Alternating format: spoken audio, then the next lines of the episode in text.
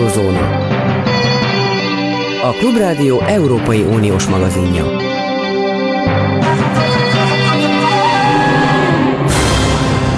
Szóval az az, amit most az imént eh, Simor Andrástól eh, Törökország kapcsán hallhattunk, egy példabeszéd arra vonatkozóan, hogy miért drámai jelentőségű az egyenletes fejlődés, a nagy megrázkutatások elkerülése véget az a fajta demokrácia, ahol mondjuk Nemzeti Bank valóban minden porcikájában tud különálló lenni egy kormánytól, hogy at, ahol az egyik, mindig általában a politikai vezetés képes totálisan lenyúlni, így vagy úgy, kimondva vagy kimondatlanul a Nemzeti Bankot, ott elő tud fordulni, hogy ideig, óráig a nép eltűrje, hogy fél év alatt a pénze felére értékelődjön le mint ahogy ez Törökországban megtörtént.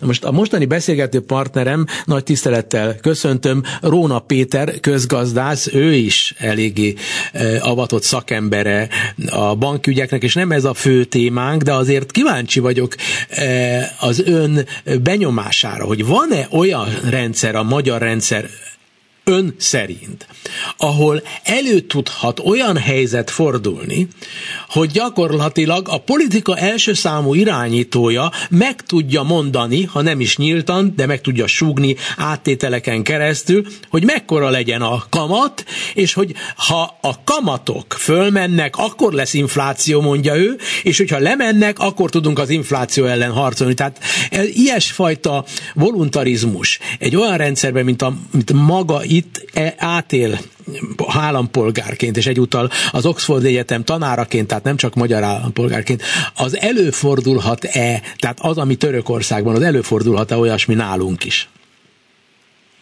Hát én nagyon remélem, hogy nem. E, minden esetre a korábbi viszonylag jó működése és politikájával szemben az elmúlt két évben a Magyar Nemzeti Bank egyre inkább a választási kampányra tűnik, hogy felkészül, úgy tűnik, és ennek megfelelően olyan monetáris politikát eh, folytat, ami inkább egy választásra készülő pártnak felel meg, kormánynak felel meg, mint sem a nemzetgazdaság eh, érdekének. Uh-huh. Ugye itt pontosan arról van szó, hogy karöltve a pénzügyminisztériummal elképesztő módon fűtötték a nemzetgazdaságot, szólták a pénzt, olcsó hitel, alacsony kamatok, úgyhogy létrehoztak egy olyan keresleti struktúrát, ami messze meghaladja a kínálati oldal képességeit. Uh-huh. Ugyanakkor ön éles kritikusa most függetlenül ettől a jelenségtől, ami nyilvánvaló egy hosszú beszélgetést igényelne, ami a jegybankoknak a felelősségét egy demokráciában tudja e, szépen átfésülni, hogy, hogy, hogy a mi rendszerünk, ami Magyarországon kialakult, e, miben alapvetően tér el attól a nyugati rendszertől, aminek jogállamiságát ön alapvetőnek tartja annak érdekében, hogy Európában Magyarország európaiként legyen e, meghatározva, és hogy ne kerüljünk ki e, de jure is esetleg, de de facto az Európai Unióból. Igen, hát most ennek a kérdésnek e, két különböző esetleges felülete van a válasznak. Az egyik elsősorban egy ilyen jogi orientáltságú válasz, és itt lehet hivatkozni az Európai Bíróság, az Európai Parlament, az Európai Tanács eh, számos döntésére, a Velencei Bizottság megállapításaira, amelyek kimutatják, hogy a magyar eh, alaptörvény, illetve a magyar kormány különböző intézkedései és törvényei eh, miben térnek el az európai jogrendtől. Tehát ugye erre a rövid, a rövid válasz az, hogy mindaz, a magyar jogrendben, ami nem felel meg az európai jogrendnek, az nem fér bele az európai demokrácia fogalmába. És ez, és ez nagyon sok, számos ilyen dolog van, ugye. Ott van, kezdjük azzal, hogy egy eh, három tagú testület, a költségvetési tanács felülírhatja a megválasztott törvényhozó testület költségvetését, és amikor felülírja ezt a költségvetést, akkor, akkor feloszlatásra kényszerítheti a parlamentet. Tehát, tehát egy egészen antidemokratikus, szélsőségesen antidemokratikus szerkezet. De ott vannak ugye a sajtószabadság, a gyülekezési szabadság, a vallásszabadság e, számos kérdése. E, ugye most már 50-nél több kötelezettségszegési eljárás indult Magyarország ellen, jelenleg is folynak ezek az eljárások. Tehát itt van egy ilyen halmaz. Na most a másik halmaz pedig egy másik megközelítés, és bizonyos értelemben ez a veszélyesebb és a rosszabb halmaz. Szorgos munkásságával a miniszterelnök úrnak sikerült meggyőzni Európát, hogy mi nem vagyunk európaiak. Tehát, tehát ez előadja, hogy nem csak, hogy miben vagyunk mi mások, mint Európa, hanem hogy mi egyenesen ellenszegülünk Európával szemben. És ennek a részleteit most legutóbb Sopronban fejtette ki. Nevezetesen a Soproni nyilatkozatára gondol, amelynek a, a lényeg egy ilyen történelmi revízió, nem? Hát a történelmi revízió az egy dolog, a másik pedig az, hogy egyszerűen szembeszáll az Európai Unióval, az európai értékekkel, és Kerek Perec kimondja, hogy mi nekünk azok az értékek nem kellenek mi egy más értékrendszerben gondolkozunk, és egy más értékrendszerben kívánunk élni. Tehát uh, itt egy központi hatalom kumulálódásról van szó, fékek és egyensúlyokról nincs szó, a törvényalkotás alapjában véve egy embernek a döntésétől függ, ez pedig ő, a független bíróság kérdésére a magyar válasz nem az, mint az európai, ez ugye számos európai döntésben megnyilvánult, tehát, tehát nagyon sok, most a, a magyar gazdasági modell valójában már nagyon nehezen illeszthető az európai gazdasági modellbe, hiszen ez a modell a magyar az alacsony bérre, az alacsony hozzáadott értékre épül, és nem a minőségre, a kutatásra és a fejlesztésre.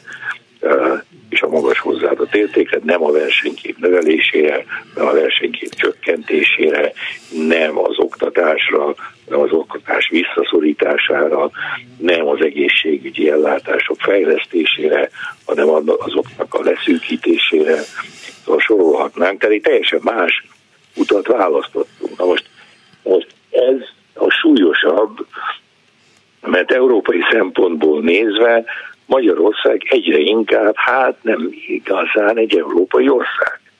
És ennek aztán most már kezdenek feltűnni a konkrét következményei. Nyilvánvaló, hogy ez, az, ez a kormány az Európai Uniótól nem fog pénzt kapni. Ez miért nyilvánvaló önnek, hogy nem fog?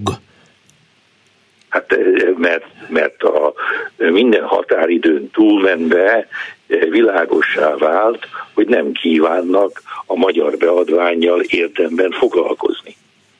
Tehát, tehát nem lesz. Az Európai Unió egyértelműen nem adja meg magát, nem fogja elfogadni az Orbán féle elképzeléseket arról, hogy egy ország ugyan egy Európai Uniós tagország ugyan rendezkedjen be, és most ugye az egész dolog mögött, ugye magyar szempontból ez úgy tűnik, mint valamiféle harc az Európai Unió és a magyar szuverenitás között, és ez így van felállítva Orbán Viktor részéről.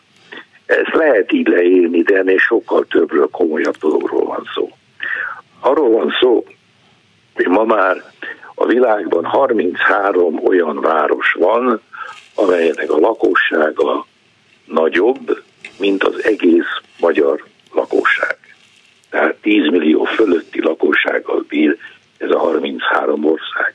város, 33, 33 város. Város, város, igen, 33 város. Ráadásul 33 város közül az első 10-ben 20 milliónál is több ember él, és a legnagyobban Tokióban a magyar ország népességének a négyszerese él. Most ez azért fontos, mert a világ gazdasága és társadalmi folyamatainak a léptéke, a mérete és az aránya eltolódott egy bizonyos irányba, ami ennek a magyar szuverenitás játéknak nem kedvez. Tehát nem tolerálja. Mert olyan méretű eh, problémákkal kell a nemzetközi politikának megbírkóznia, amelyekhez egy 10 milliós lakossággal bíró ország külön utas elképzelései már nem kapnak helyet. Erre nincs idő, nincs hajlam, nem érdekes. A, a nemi élettel kapcsolatos és a nemi preferenciákkal kapcsolatos kérdéseket az Európai Unió letárgyalta, megemésztette, feldolgozta, elintézte. Ez van. Ezt el lehet fogadni, vagy lehet vehetjük a kalapunkat, és kiléphetünk az Európai Unióból. Tehát, tehát ez, ez, ez, ez így nem fog menni. Ott van ugye a nagyon komoly nemzetközi politikai helyzet Oroszországgal, illetve Kínával. Itt most egy, egy 10 milliós országnak itt nincs mozgás tere, itt nincs lehetősége. Itt vagy van egy európai álláspont, és aki nem tud ehhez az európai állásponthoz, politikához csatlakozni, nem tud benne részt venni, az értelemszerűen előbb-utóbb, és inkább előbb, mint utóbb, mert sokkal előre haladottabb a mi kiszorulásunk, ki fog szorulni az Európai Unióból és a NATO-ból. De tehát, a, tehát, e, tehát, professzor... tehát egy olyan, Igen. ugye most már az Európai Unió, az európai nemzetek szempontjából Magyarország egy korrupt, rasszista, autoriter ország, ahol a nemzet ezt a fajta berendezkedést jó szemmel nézi. Tehát a nemzetnek a, a többsége ezt a politikát alapjában véve elfogadja. Hát ők nem fogadják el és nekik ennek a politikának a megfinanszírozására nincs se hajlamuk, se pénzük. Nem kell. Igen, de e, e, e, ezt, ezt, ezt feltételeztük egyébként néhány évvel ezelőtt is, és csalatkoznunk kellett, mert még mindig volt erő, mert ugye vannak helyi gazdasági érdekek, sokszor mondjuk, hogy a német autógyárak, de nevezhetünk más dolgokat is. A másik, hogy professzor úr rendkívül izgalmasan mutatja be a világ igazi kihívásaira vonatkozóan, hogy, hogy más szinten van a magyar retorika és a világban a tényszerűen létező problematika politika. De Európára helyi értéken nézve mégis az jellemző, hogy akárcsak nálunk öregszik a lakosság.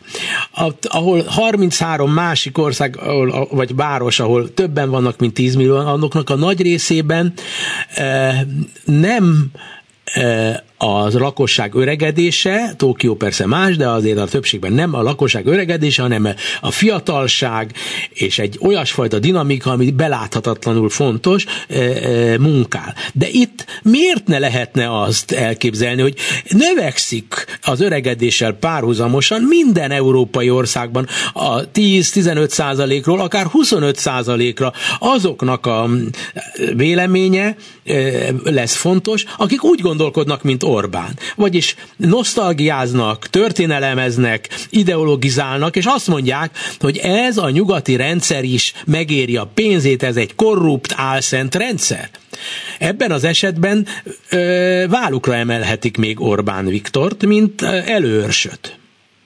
Igen, vállukra is veszik, de ez a vélemény, amit felrajzolt, ez vonatkozhat a különböző európai országokban legfeljebb a lakosság 25%-ára és semmiféleképpen sem többre. Most, az de, de, de folyamatosan politikus. öregednek, öregednek, és egyre hülyébb, át, át, bocsánatot kérek, mert mindannyian öregszünk, most nem erről van szó, de, de látni de valóan nem, egyre betokosodottabb. Ez, ez nem így van, nem. Nem, nem így van. Nem.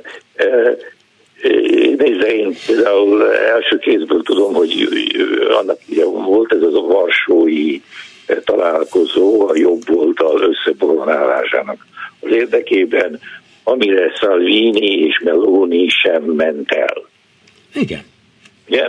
Miért nem ment el? Hát rengeteg oka lehet. Az olasz belpolitikában egy 74 éves Mário Draghi ugyanis képesnek bizonyult ennyi uh, úgy alakult hogy, hogy, hogy ő össze tudja fogni, és ez a Mário Draghi egy magunkfajta nyitott gondolkodású ember, de azért tudja, Jó, de hogy, de hogy kell irányítani. miért nem ment el? Tehát, tehát, Mert nincs esélye nyilván, azért nem ment el, saját elmondása szerint, mert nem akarja már saját magát lefényképeztetni Orbánnal, mert Orbán Olaszországban e, ciki. Tehát, tehát neki ez nem tesz jót, hogy Orbán társaságában lássák. Mert az Orbán stílusa, megint saját szavait idézve, egy bunkó stílus. És lehet jobboldalinak lenni, lehet aggódni a migráció ellen, az immigrációval kapcsolatban. Sok mindenre van lehetőség Nyugat-Európában is, de erre a teljesen kultúrálatlan viselkedési módra, amit ő, Kövér László, Szijjátó Péter, stb. egyszerűen kanász viselkedési módra nincs fogadó képség, képesség Európában. Ezt nem lehet elviselni. De... Ez egy olyan stílus, ami egyszerűen nem fér bele a nyugat-európai eh, illemtan, etika, stb. Eh, eh, kereteiben. Most ugye ez, ez, ez, egy, ez, egy, ez egy stílus kérdés. Nyugat-Európában nem fér bele, de kérdezem önt, tegye a szívére a kezét. Most nem Boris Johnson-t akarnám elsősorban, hanem Donald Trumpot akarom elsősorban megcélozni.